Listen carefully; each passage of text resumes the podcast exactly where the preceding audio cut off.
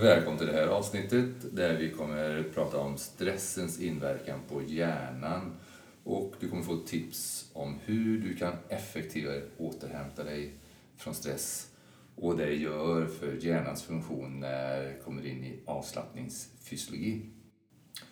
Så dagens avsnitt med mig, Martin Fransson, du, Wellers i Gamla stan, kommer få lära dig mer om hjärnan och särskilt pannloberna, den här senast utvecklade delen av hjärnan som befinner sig bakom kroppens faktiskt tjockaste ben, pannbenet. Där har du dina pannlob, frontalloberna. Och man kan säga hjärnan är ju dirigenten för övriga kroppen och om det är någon del av hjärnan som är dirigent för övriga hjärnan eh, så är det den senast utvecklade delen av vår hjärna, frontalloberna.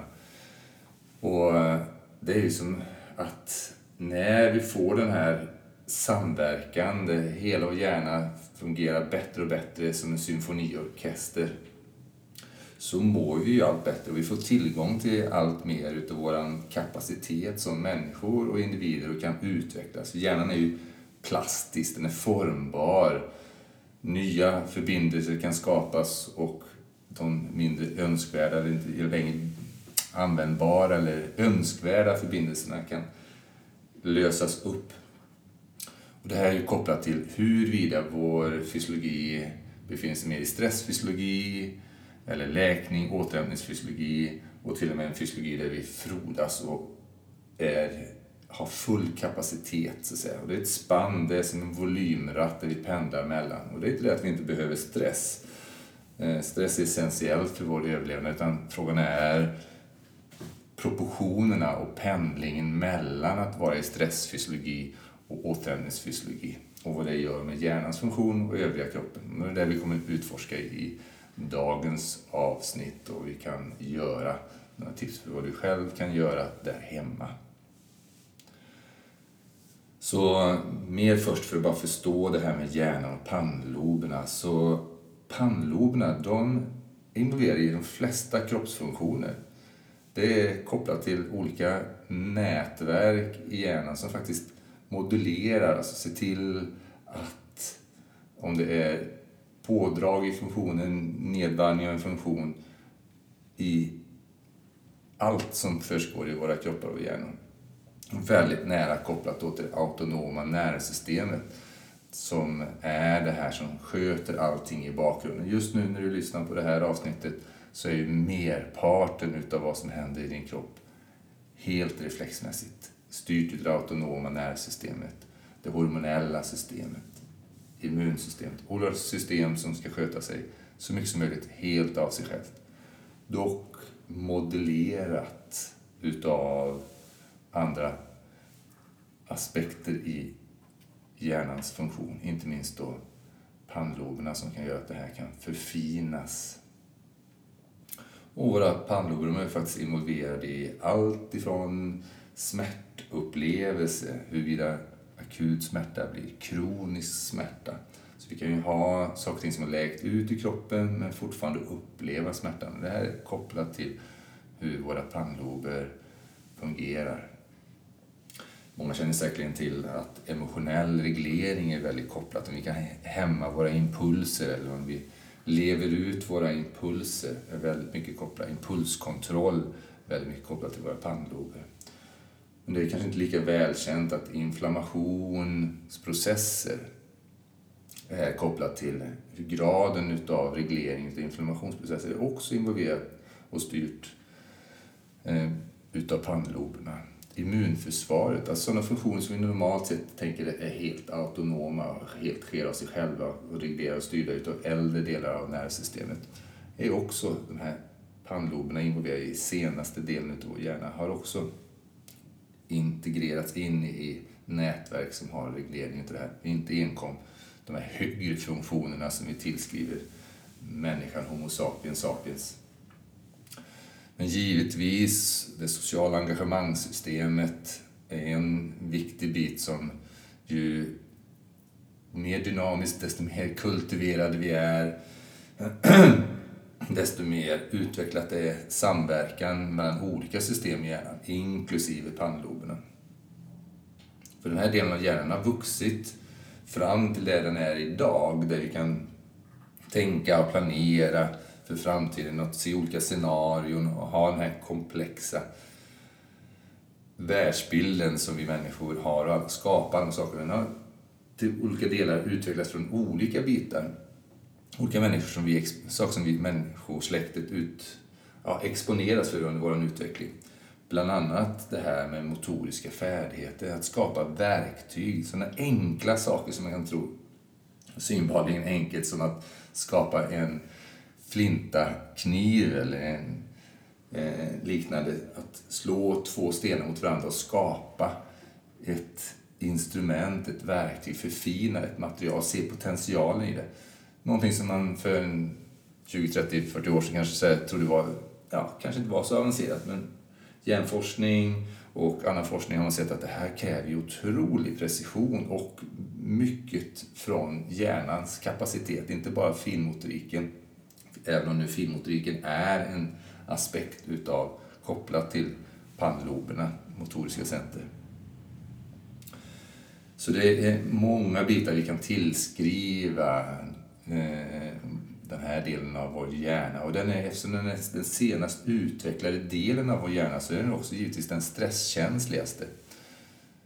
Så att när vi utsätts för stress, oberoende fysisk stress, emotionell stress, kemisk stress, psykosocial stress, så är det den här delen av hjärnan som tenderar att blodflödet minskar ner till först för att istället få mer blodflöde till de här äldre delarna av hjärnan då, som centra för affektion, att vi reagerar känslomässigt, impulsivt.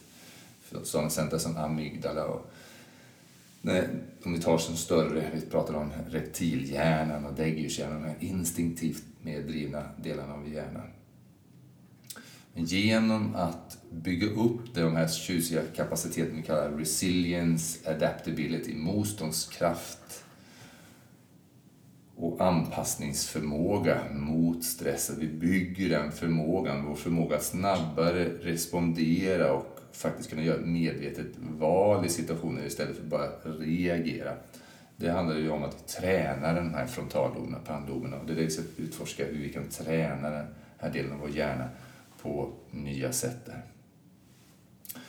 pannloberna heter ju eh, då på latin prefrontal cortex hjärn, den främre delen utav hjärnbarken. Och eh, det kommer mer och mer forskning om den här delen utav hjärnan och inte minst då hur den då är kopplad också till olika kroppsfunktioner. Störningar utav kroppsfunktioner. Allt ifrån mag-tarmproblematik som magsmärta. Jag pratade om tidigare smärta, stelhet i kroppen.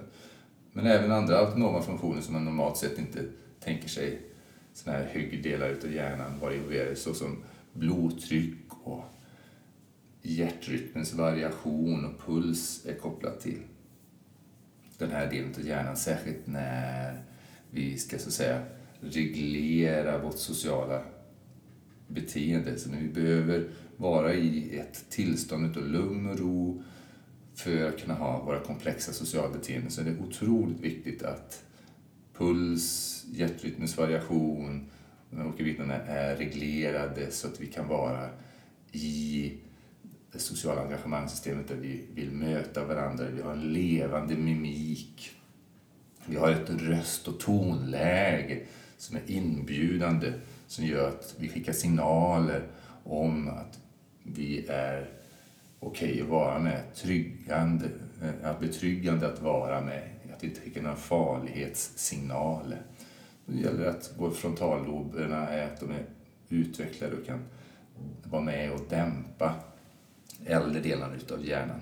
Något som blir svårare när vi går in i ett stresspåslag. Det blir svårare och svårare att ha med pannlobernas förmåga att reglera mer primitiva reflexer inuti så vi kommer titta på forskning som stödjer just varför människor rapporterar sådana förbättrade eh, välbefinnande aspekter, både fysisk och psykisk hälsa, när frontalloberna börjar fungera bättre, funktionen blir bättre. Och det är kopplat till att förstå mer om stress och stressåterhämtning. Så många forskare har visat på att just det här att under stress är det en stark påverkan på människors mentala och fysiska hälsa. En förlust av självkontroll vid stressexponering är ju väldigt vanligt. Man kan se förändringar utav beteende, man faller tillbaka till osunda beteenden, drogberoende, rökning, dricka alkohol och överätande och liknande. Just när våra frontallober inte är med på banan lika bra. Och till och med en av mina favoritforskare, eh, professor Robert Sapolsky som har skrivit Varför har zebror inte magsår? Han säger att frontalloberna är den delen, om vi nu ska se till hjärnan, som är den mest mänskliga delen. Det är den som ser till att vi gör de där svåra sakerna, de rätta sakerna, eh, när de verkligen behövs göras. Vi kan säga att på ett sätt så är det en representation för vårt superego. Så därmed en väldigt viktig del att utveckla och kultivera, men inte på bekostnad av de övriga delarna av hjärnan utan tack vare att vi när hela hjärnans funktion och övriga kroppen så kan frontalloberna mogna och utvecklas och integreras med alla de andra delarna i ett nätverk. Den fantastiska symfoniorkester som vi kan eh, spela som människor och individer. Så vi kan utveckla vår egna unika förmåga till att vara de som vi är ämnade vara. Men som sagt, har man problematik i kroppen eller mentalt, emotionellt, så är det viktigt att förstå att man kan ha ett perspektiv kring hälsa som, där man tittar in på just stressresponsen och dess effekter på hjärnan och inte minst den här delen av hjärnan som vi utforskar i dagens avsnitt.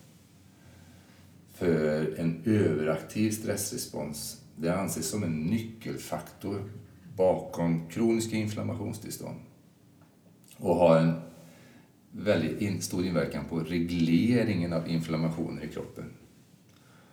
Så när våra frontallober är mer i en funktionell, bra balanserad status så har det också vår förmåga att modulera, att reglera eh, inflammationsresponsen, det vill säga stressnivån kan gå ner.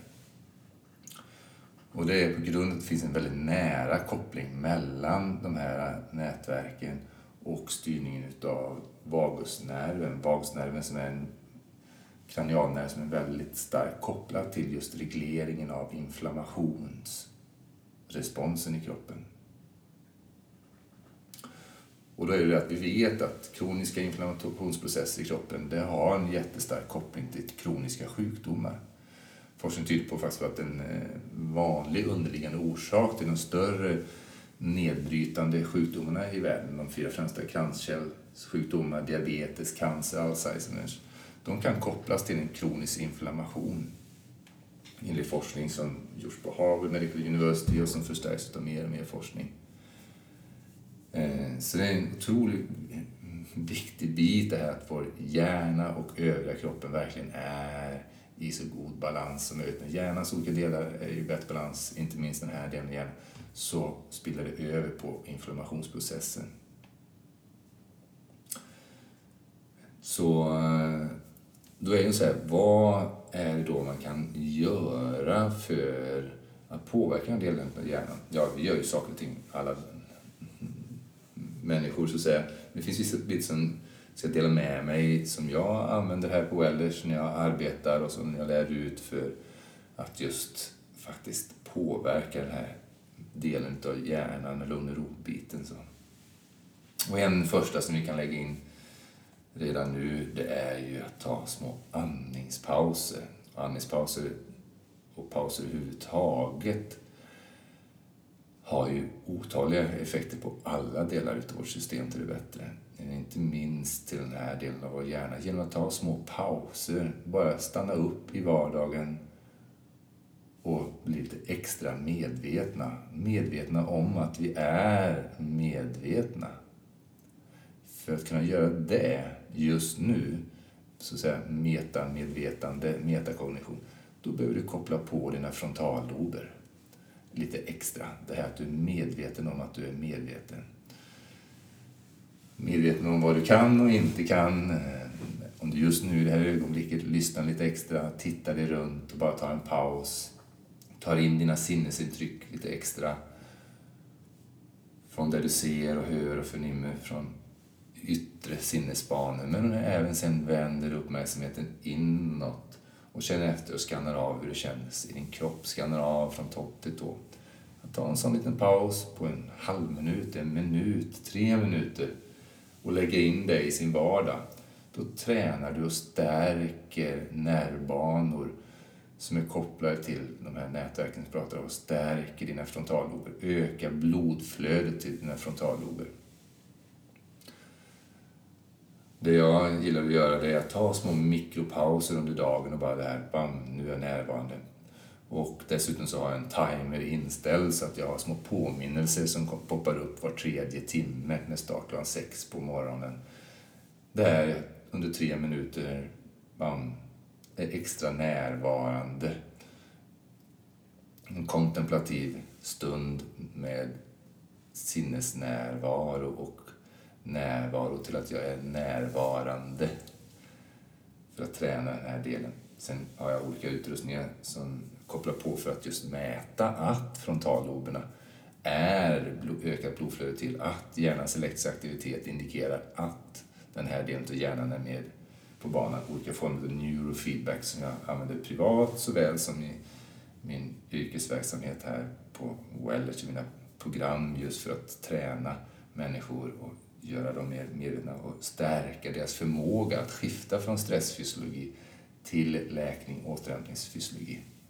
En träning.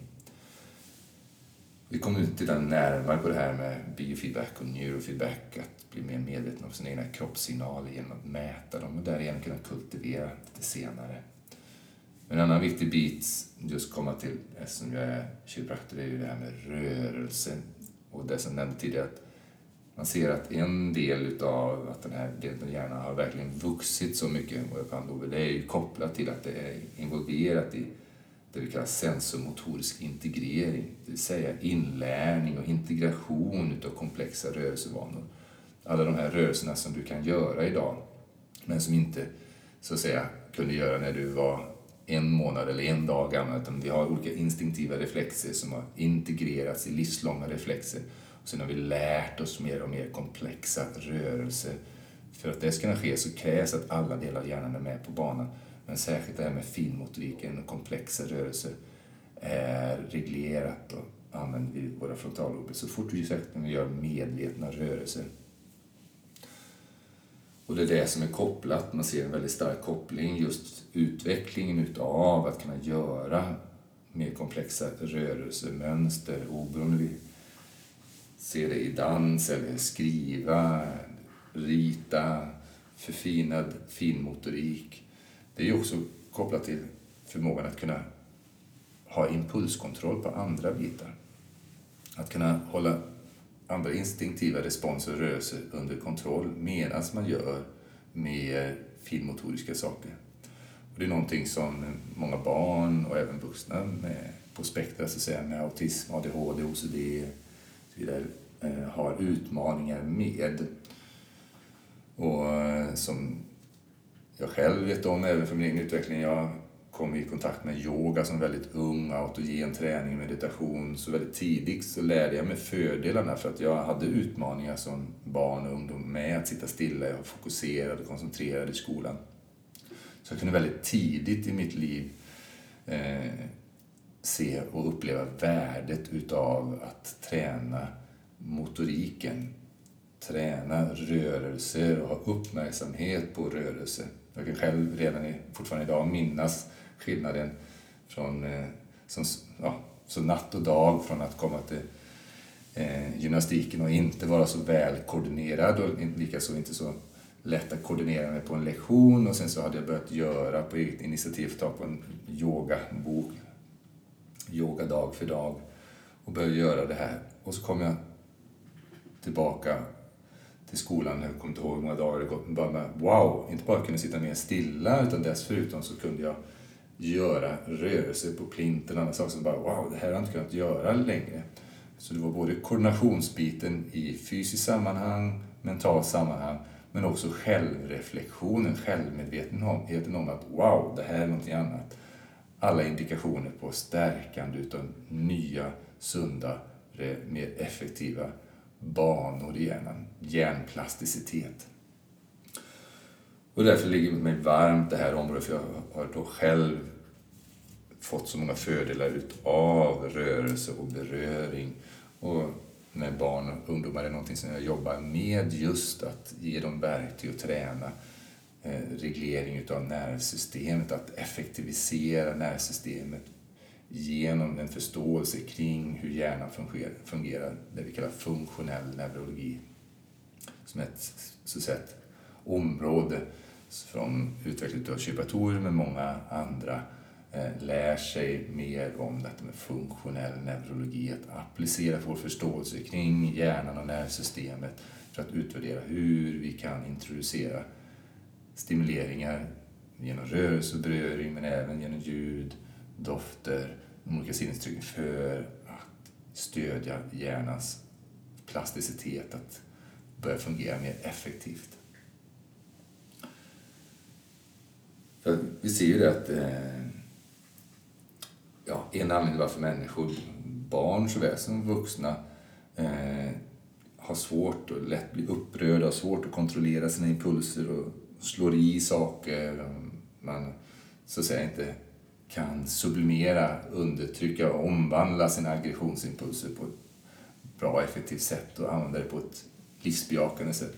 Det är kopplat just till hur balansen är mellan pannloben, eller säger de nyare delarna av vår hjärnas utveckling och de äldre, mer instinktiva delarna. Det här kan vi då hjälpa till att skifta genom rörelser som löser ut den här fastlåsta stressresponsen i kroppen.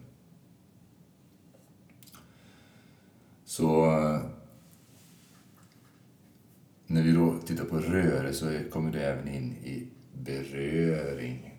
Och då kommer ett annat tips så att säga, som är viktigt för att hjälpa hjärnan att komma i balans, inte minst frontalloberna. Och det är vilken typ av tryck eller beröring som så att säga, skapar lugn och förstärker återhämtning i nervsystemet. Och det är olika för olika människor. En bit kan vi koppla till balansen mellan vänster och höger hjärnbark.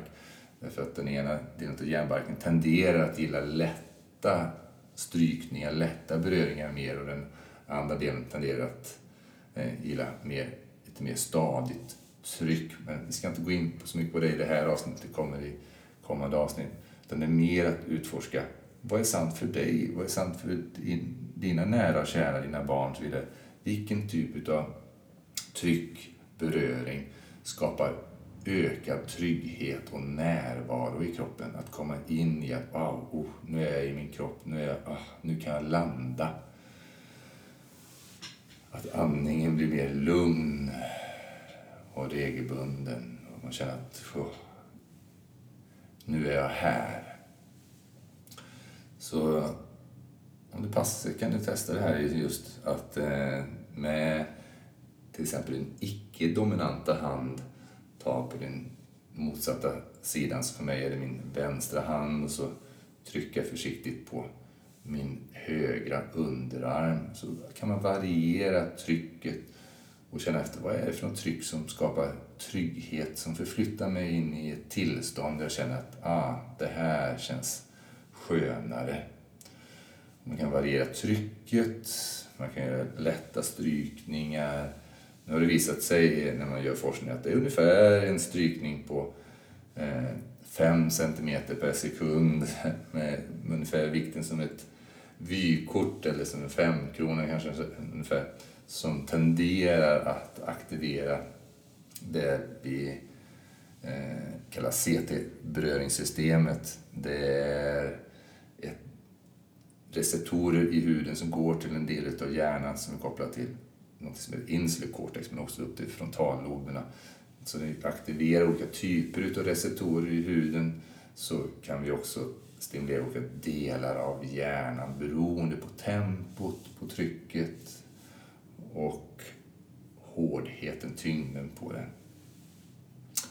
Testa för dig själv, så att säga. vad är det för något tryck, beröring som ah, känner att din puls går ner, andningen kommer till ett lugnare tempo. Att utforska, man kan ju på så sätt gå igenom hela kroppen och lägga lätt tryck så man kommer in i kroppen. Och det här ser man särskilt eh, hos barn och ungdomar och även vuxna på spektrat så att säga. Då, att, eh, att få ett stadigt tryck eh, kan vara väldigt lugnande och stabiliserande. Det är därför man i filmer som eh, med den autistiska Temple Grandin som sedermera blev professor, en väldigt fascinerande film just med hur hon upptäckte hur tryck eh, lugnade ner henne. En anledning till varför kanske tyngdtecken har blivit så populärt de senaste åren det är givetvis att det har blivit lättare att tillverka dem. Men också att kanske fler människor som upplever behovet utav det här får tyngd på sig för att kunna komma ner i varv och sova mer effektivt. Så att de här delarna av hjärnan, blodflödet kan gå från de instinktiva delarna av hjärnan till mer till frontalloberna så att man kan ah, checka av här och nu, jag är här och nu, faran är över, jag är trygg. Så eh, vi ska titta vidare på någonting som jag jobbar mycket på med just eh, med barn och ungdomar och vuxna som eh, har mycket stress. Vi kan ha olika former utav stress som är kronisk. Det kan ha gått så mycket så att det blir PTSD, alltså posttraumatisk stressproblematik. Som är, man ser en överrepresentation hos många barn med ADHD-liknande och vuxna att det finns underliggande stress bitar som kan vara fysisk stress men det kan också vara anknytningstrauman eller en kombination som för nervsystemet har lett till att delar av hjärnans förbindelse, kvaliteten på nervbanor och förbindelse inte har blivit så eh, åldersadekvata som de skulle vara. Så man har svårt att få till, man kompenserar på olika sätt för att få till funktioner i livet. Vi kan då se hur man kan stärka upp det här. Och en grej som jag ska också nämna lite grann till det är neurofeedback, att sätta sensorer som mäter hjärnans elektriska aktivitet. Inte minst väldigt lätt att mäta hjärnans elektriska aktivitet eller blodflödet på frontalloberna. Eh, ett företag som jag arbetar med, svenska Mendi, som har en väldigt fin lösning för att just mäta på ett enkelt sätt blodflödet till frontalloberna. Där vi ser att när vi kan öka upp blodflödet till eh, frontalloberna och få återkoppling kring det här så har det väldigt många gynnsamma effekter. Vi tenderar att kunna vara mer fokuserade, närvarande och det spiller över på många andra funktioner fysiskt, emotionellt och mentalt och psykosocialt när vi tränar. För ju mer vi kan få frontalloberna i balans så spiller det över på allt annat i eh, andra livsområden. Där vi givetvis tänker kanske först på när man tänker pannloberna så är det de här exekutiva funktionerna, alltså vårt arbetsminne, att kunna komma ihåg saker och ting, memorera och lägga in det mer in i de äldre in, långtidsminnet som är mer kopplat till hippocampus, men det här korttidsminnet, att man kan ha fler saker i gång samtidigt och kunna själv observera sig, kunna sätta igång saker, inte prokrastinera och förhala saker utan verkligen genomföra saker och ting. Att man har ett flexibelt, dynamiskt tänkande, kunna tänka lateralt utanför boxen, kunna planera och prioritera och, och göra sekventiella saker och verkligen få helhetsbilden såväl som på detaljnivå, kunna röra sig flexibelt mellan olika arbetsfält eller kunskapsområden och ta, hämta nyckelpusselbitar och koppla ihop det och integrera och utveckla. Det är ju det man kan tänka sig många känner till de frontalloberna och givetvis är det någonting som vi vill kultivera och utveckla men då behöver vi vårt system vara i balans för att kunna nära det här. Men lika så viktigt är ju emotionell kontroll, det här sociala engagemangssystemet, att det inte bara är datarobotar utan att vi har vår empati, vår medkänsla, vår förmåga till att förundra oss över livet, känna å, hänförelse, tacksamhet. De här funktionerna, de så att säga, väldigt speciella, unika, högre mänskliga tillstånden, de är också beroende av att frontalloberna är så balanserade som möjligt. Så, och ett sätt då hur vi kan mäta hur väl frontalloberna är mätbara det är olika enkäter som vi använder på Wellness, men också då genom att mäta hjärnans elektriska aktivitet, mäta blodflödet i frontalloberna. Och därmed se hur ett program utvecklas där systemet kommer i bättre och bättre balans in i avslappningsresponsen så man kan sova gott och återhämta sig effektivare och prestera sitt bästa, vara på topp, det jag kallar well edge. Så att kunna skifta sitt fokus från symptom till hjärnan, att förstå att hälsa är kopplat till kvaliteten på hjärnbalansen och kvaliteten på nervbanor och förbindelser från hjärnan till övriga kroppen. Den regleringen och likaså givetvis kvaliteten på nervbanor och förbindelser från övriga kroppen till hjärnan. Så att den här regleringsfunktionen kan ske helt utav sig självt instinktivt. Men också att vi via frontalloben kan ha kapaciteten att uppmärksamma variationer i våra kroppar och system och vara mer effektiva på att självreglera oss. Så vi kan förbättra vår egen sinnesskärpa. Och det är vad jag tycker biofeedback, neurofeedback, olika sensormotoriska arbetsformat som jag jobbar med här, som hämtar från kiropraktiken och andra sammanhang som jag tränar i, tränar upp den här förmågan att öka sin egen sinnesskärpa och öka sin förmåga till att anpassa sig och bygga stressmotståndskraften.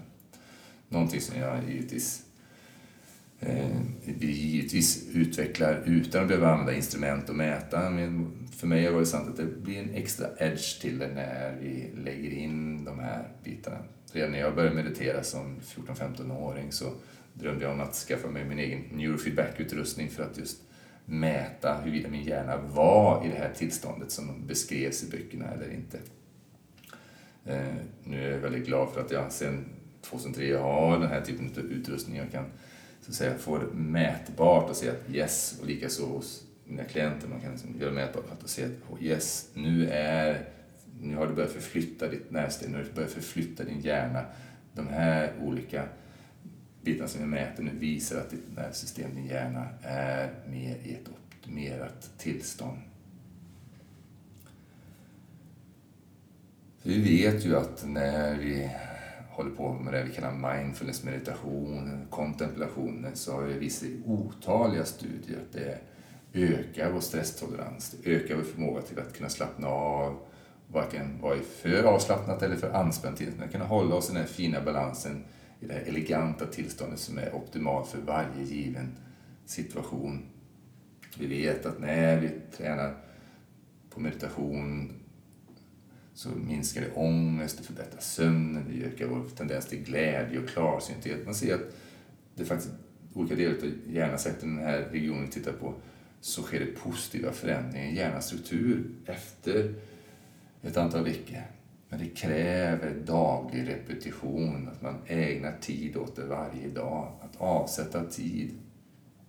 Och det är givetvis 10 minuter, 20 minuter, 30 minuter, en eller två eller tre gånger om dagen gör ju mer skillnad än korta stunder.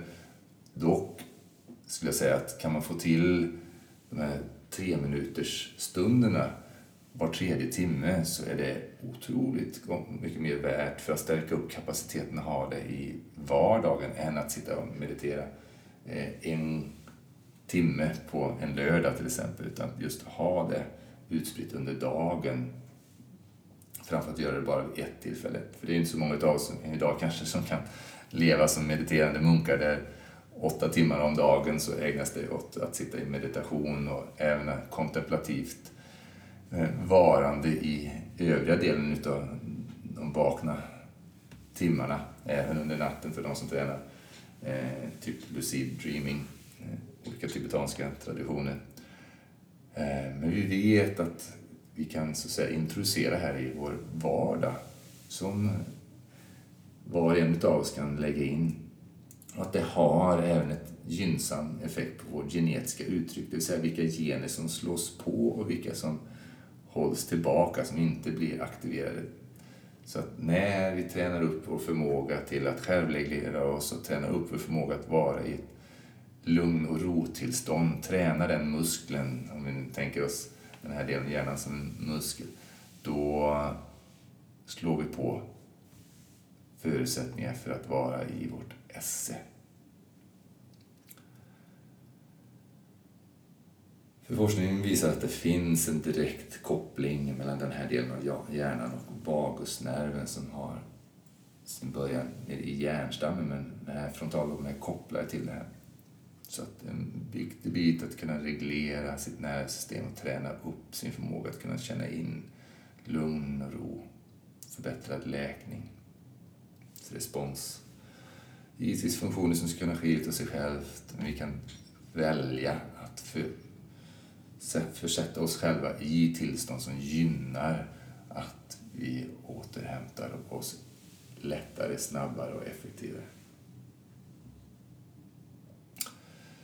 Genom att ha ett hjärnfokus istället för bara symptomfokus. Att förstå att när vi försätter vår fysiologi i sin helhet i ett effektivare återhämtningstillstånd så sker läkning oberoende vilka symptom som vi må ha.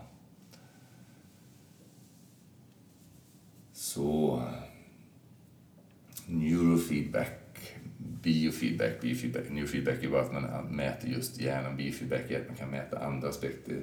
Ja, mäter även hjärtrytmens variation, pulsen, handfuktighet, handtemperatur, muskelspänningar, olika sensorer i olika utrustningar här på Edge som använder som man kan träna. De främsta använder neurofeedback och det vi kallar hjärtrytmsvariations biofeedback, heart reparability. där man kan se när andningsrytmen och hjärtrytmen kommer i synk vilket kräver också, när man tränar detta, att man stärker upp frontalloberna för att kunna hålla det här synkningstillståndet. Och när vi är i ett koherent tillstånd, hjärtrytm, andningsrytm, är en god balans, då öppnar det upp blodflödet i frontalloberna så det stärker vartannat, så att säga.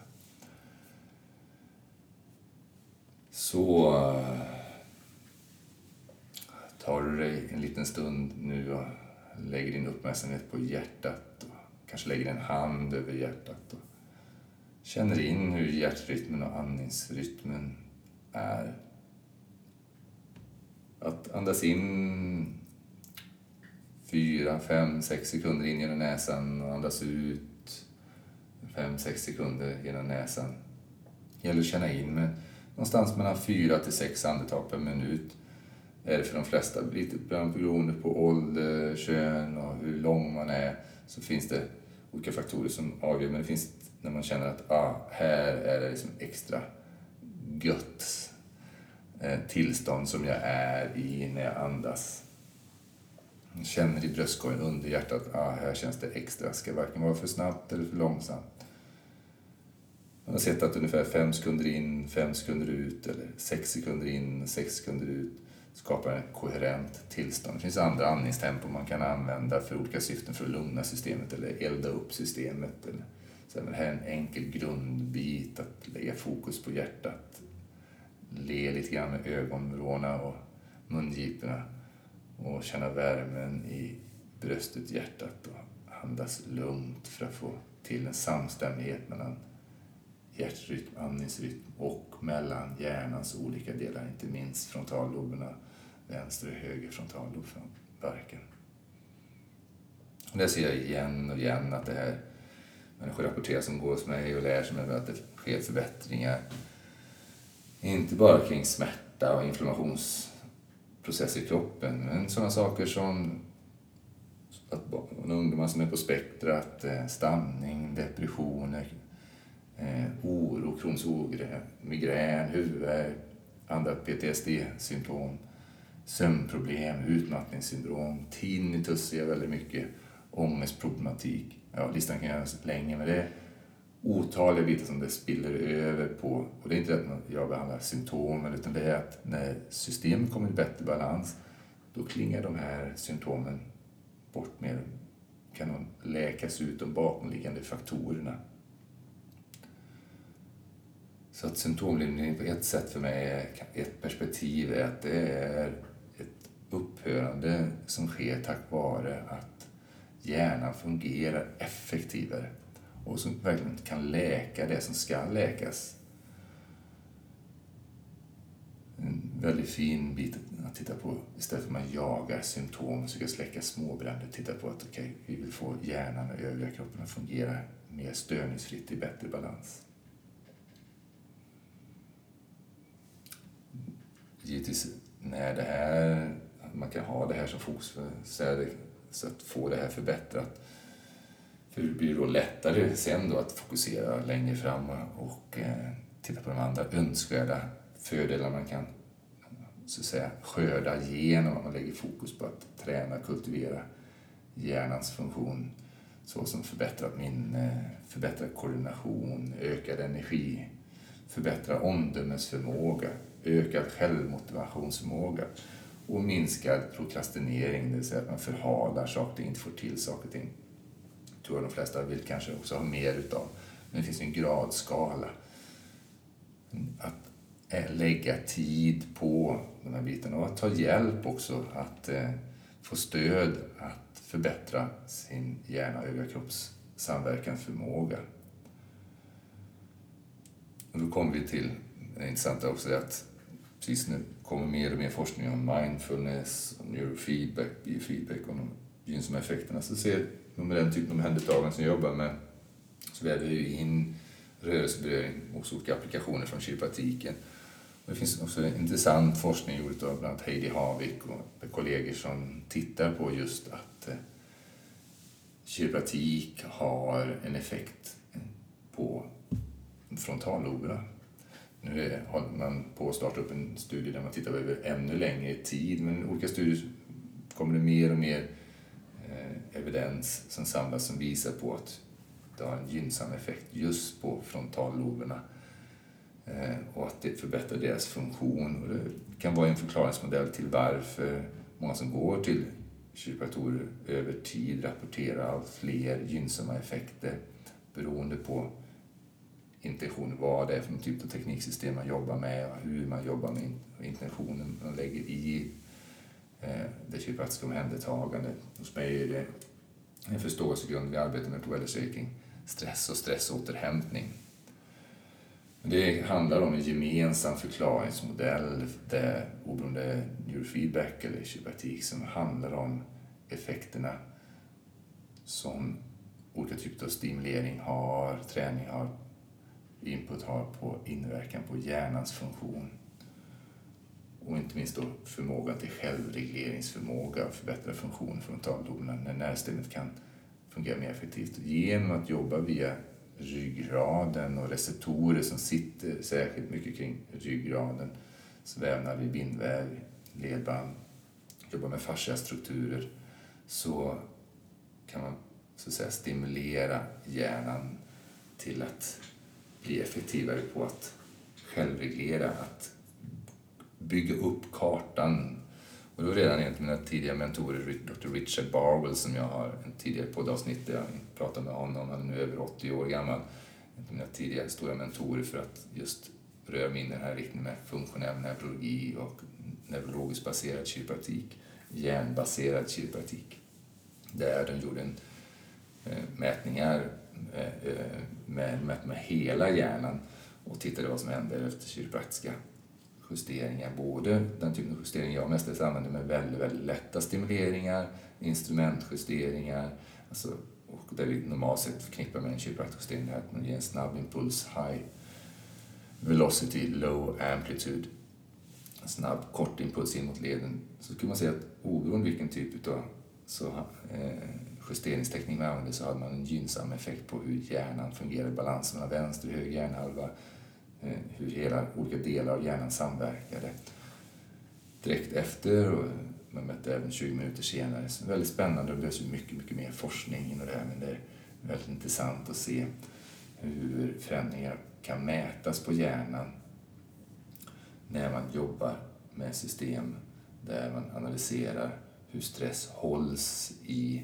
kroppens vävnader och vad som händer när man hittar vägar in för att effektivt låta hjärnan kunna hitta de här spänningsmönstren som, som den håller i vävnaden i kroppen och därigenom bryta mönster, för det är det det handlar om, att bryta mönster. Så att resurser kan gå från stressfysiologi som hjärnan är upptagen med till läkning och återhämtningsfysiologi så hjärnan kan väckas upp till förbättrad funktion. Vi kommer att prata lite mer om det här med hjärnbaserad kiropraktik i kommande avsnitt också. Men verkligen vill sammanfatta så är det så här att, att göra val för oss själva som är gynnsamma över tid. Saker och ting som att ta små minipauser, att vara närvarande till att man är närvarande, lägga in små rutiner för att stärka det här i sin vardag. Använda rörelseberöring som vi berörde och röra sig i långsamt tempo kommer vi lite närmare på. För att komma tillbaka till en förbättrad samverkansförmåga mellan kroppen och övriga system. Hjärnan och kroppen i förbättrad samverkan. Och att när så önskar ta hjälp det är genom att använda instrument, mäta puls, pulsvariation, mäta hjärnans aktivitet. Till exempel, sådana utrustningar kan man skaffa själv, men man kan också komma in till sådana som är här på Wellert där vi har utrustning för att mäta så man får, precis som man kan göra ett konditionstest så kan man göra ett stress och hjärnkonditionstest för att se var är jag någonstans och därifrån lägga upp en plan för okej, okay, vad vill jag vara om åtta veckor, tolv veckor, om ett halvår, om ett år? Vad vill jag vara om tio år? Vad är det jag behöver då arbeta med för att min hjärna och övriga kropp ska fungera effektivare? Så man kan mäta det här och lägga upp vad är det som är essentiellt att mäta och följa. Vilka måttstockar vill man använda som visar på att yes, jag är på banan, jag följer den här eh, banan som jag har, kursen som jag har slagit in på, så man vet det ta ut riktmärkena, lägga in kursen. Någonting som är essentiellt att använda frontalloberna för att planera, lägga ut en rutt. För vilka etapper ska jag ta mig fram här och vad behöver jag göra för att på ett effektivt, elegant, tryggt och säkert sätt ta mig från där jag är idag, veta vad jag är idag och ta mig de olika etapperna framåt. Så en varm rekommendation så eh, nu ska vi ta en liten paus igen. Kanske så att du kan eh, passa sig att göra nu när du lyssnar. Men vi vet ju då som sa lätt beröring aktiverar känslobarn som öppnar upp blodflödet till bland pannloberna. Kanske inte anledningen varför instinktivt mödrar tenderar att stryka över pannan på barn när de är upprörda. Vi kan lägga själva en hand på pannan när vi lägger fokuset och inte minst lägger våra händer som har en otrolig representation uppe i pannloberna, händer, fingrar, på ett område så ökar det blodflödet i det området. Så bara genom att lägga en hand på pannan och man kan lägga en annan hand om man vill på bakhuvudet och bara hålla huvudet lite grann och känna vad man känner i handflatorna såväl som vad man känner i kraniet så att säga utav att händerna är där. Och notera vad som lägger märke till. Bara här att skifta fokuset, hålla fokus där och skifta fokus mellan vad man känner med i sina handflator respektive vad man känner på från huden på kraniet, från händerna så att säga, att man växlar däremellan. Då krävs det att man eh, engagerar frontalloben att kunna göra den här distinktionen. Det händer många otaliga intressanta aspekter när man gör sådana här saker. Ibland så har det tenderat att lugna ner systemet och öka blodflödet i frontalloben eller balansera flödet utav blod i hjärnan så att det är där det ska vara just här och nu istället för att vara upptaget för mycket med saker och ting som hör till dåtid eller framtid. Så hur känner du det just nu när du gjort det här? Och bara det också, att kunna göra en självreflektion. Vad är skillnaden? Kräver frontalloberna är mer på banan mer att du kan notera skillnaden. Och det vi ser när man har gjort olika studier med den typen av kiropraktik som jag jobbar mycket med, där jag använder väldigt lätta beröringar, det är att människor får en förbättrad sensitivitet, så sinnesskärpa.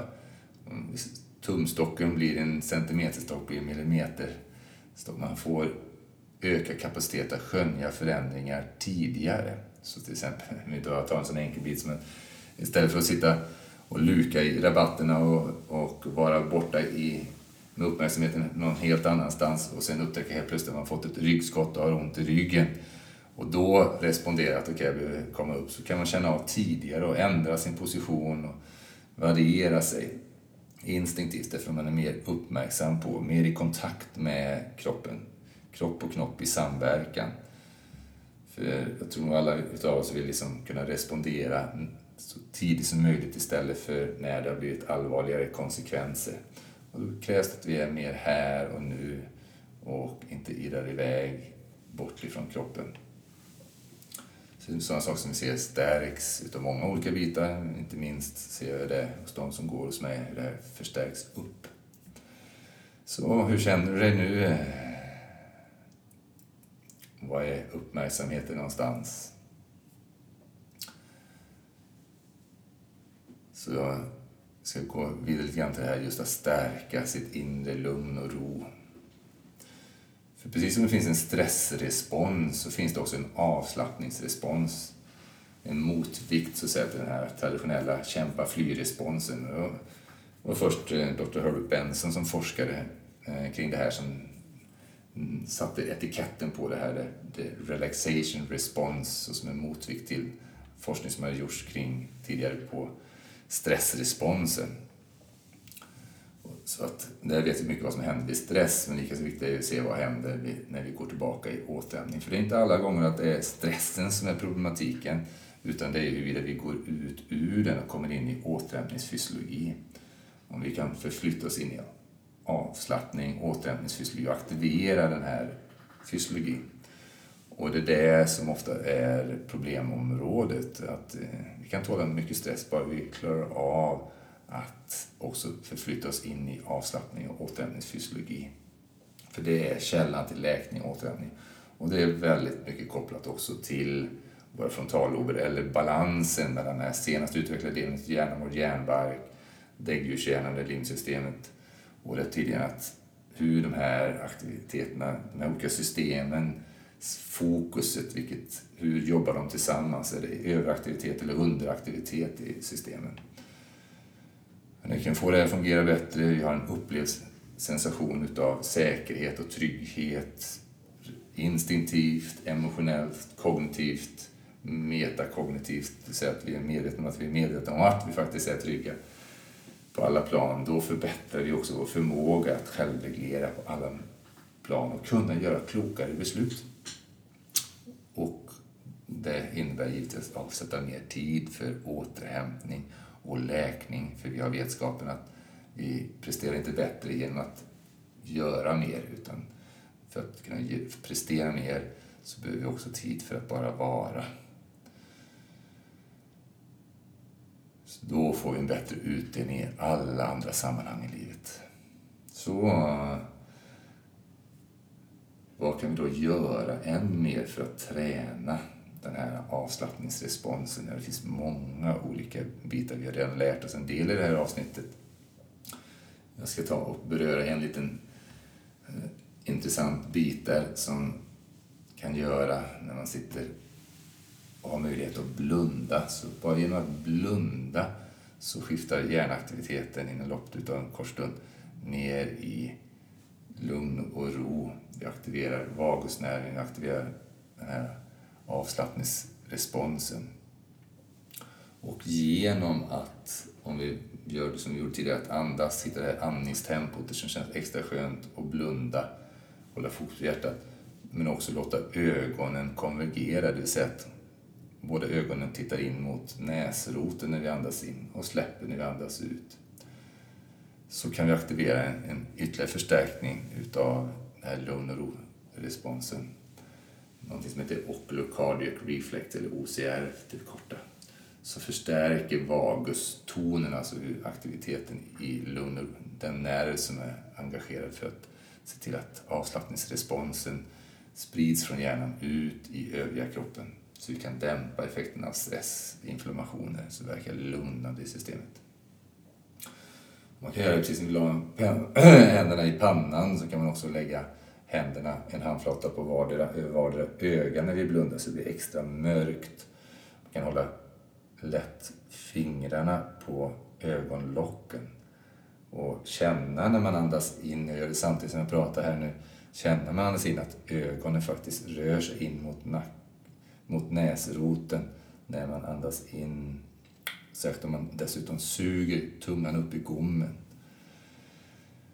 Så kan man förstärka det här. Gamla tekniker som man kan känna igen ifrån yogan, qigong och liknande annat som jag har tränat. Det finns säkerligen för många andra traditioner också. När man har upptäckt de här eh, aspekterna att man kan göra någonting med rörelse, beröring, uppmärksamheten som skiftar tillstånd. Idag har vi forskning så vi kan se vad som faktiskt händer på insidan. Vad händer med olika fysiologiska responser? Vad händer i hjärnan? Vad händer med vagusnervens funktion när vi gör de här bitarna? Sätta intressanta små etiketter på det här som oculocardiac reflex. Så genom att till exempel blunda, och titta in mot näsroten så kan vi aktivera den här avslappningsresponsen, särskilt i kombination med andning. Man kan göra som ett enkelt knep också på kvällen om man vill lugna ner annars är att ta kallt vatten i ansiktet och utlöser också den här reflexen. Och ägnar man sig och lägger in såna här små dagliga små mikrorutiner, så daglig stimulering som stärker vagusnerven, stärker the relaxation response, så är det otroligt värdefullt. För vi har tränat oss på det oftast motsatta, att träna vår stressrespons, att vara i fight and flight, att gå snabbt, skynda på, andas ytligt. Det är någonting som vi har habituerat oss till, tränat in. Vi kan också lika väl träna om det i andra riktningen.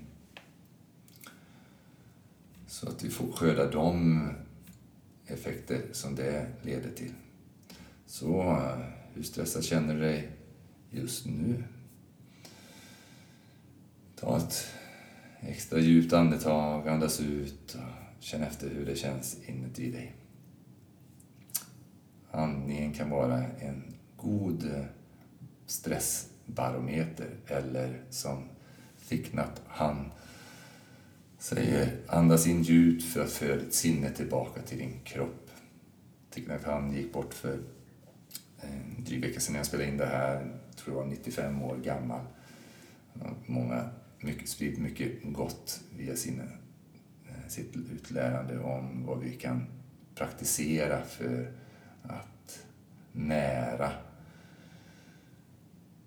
våra högsta mänskliga kapaciteter.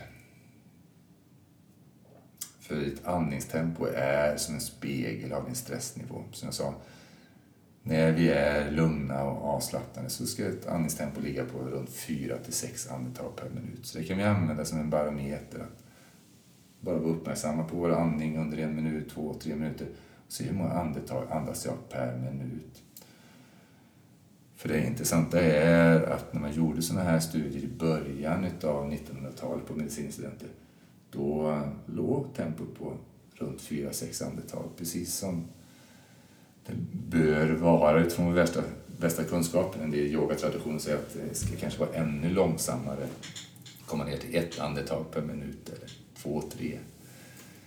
Men det som är då att när man har gjort sådana här studier genom decennierna fram till 20-talet, 2020-talet så ser man att det har ökat. Så att medicinstudenter, de har gjort sådana här mätningar på idag så ligger andningstempot ofta runt 50 hos en del, men generellt ligger det mellan 15 till 20 andetag per minut.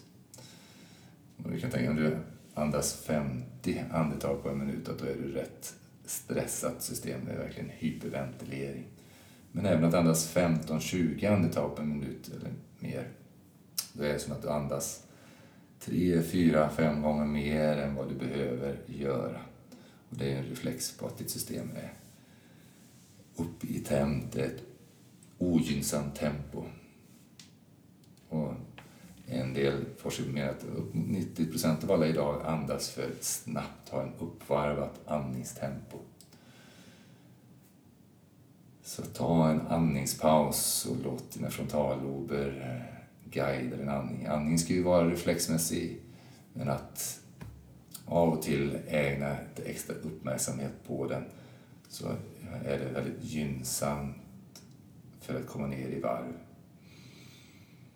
Och just att andas genom näsan, för då kan vi producera mer kväveoxid som ja, en liten mirakelmolekyl som har många olika positiva effekter. Jag kommer inte gå vidare med det i det här avsnittet, men det är någonting vi kommer titta på i andra avsnitt, just den här den inre kemin i ett annat perspektiv in på hälsa och vår hälsokälla. att förstå vår inre kemi och hormonella balans och olika signalsubstanser och gaser i vår kropp som fungerar som budbärare. Att andas genom näsan och hitta ditt lugna andningstempo som stärker din avslappningsrespons. Och röra dig långsamt med uppmärksamhet på andningen. Långsamma rörelser med kroppsnärvaro är en stärkande för hela din hjärna. Så, då ska vi runda av det här avsnittet. I nästkommande avsnitt kommer vi gå vidare in på det här med rörelse och dess värde för hjärnan.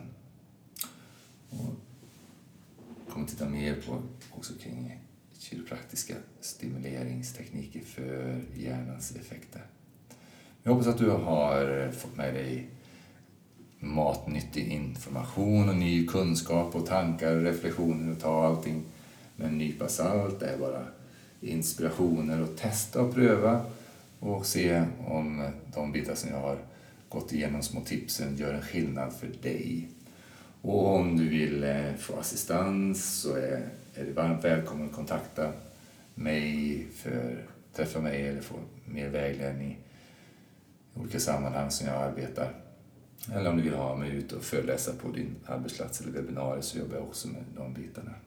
För att lära ut om stress, stressåterhämtning, om hjärnans funktion, en hjärna och övriga kroppen i balans. Så finner mer om mig givetvis på wellage.se och kan mejla mig på martin.fransson.wellage.se. Tack för nu och önskar dig en Wellage-dag, att må bra och vara på topp varaktigt genom livets alla skeden. Tack för det.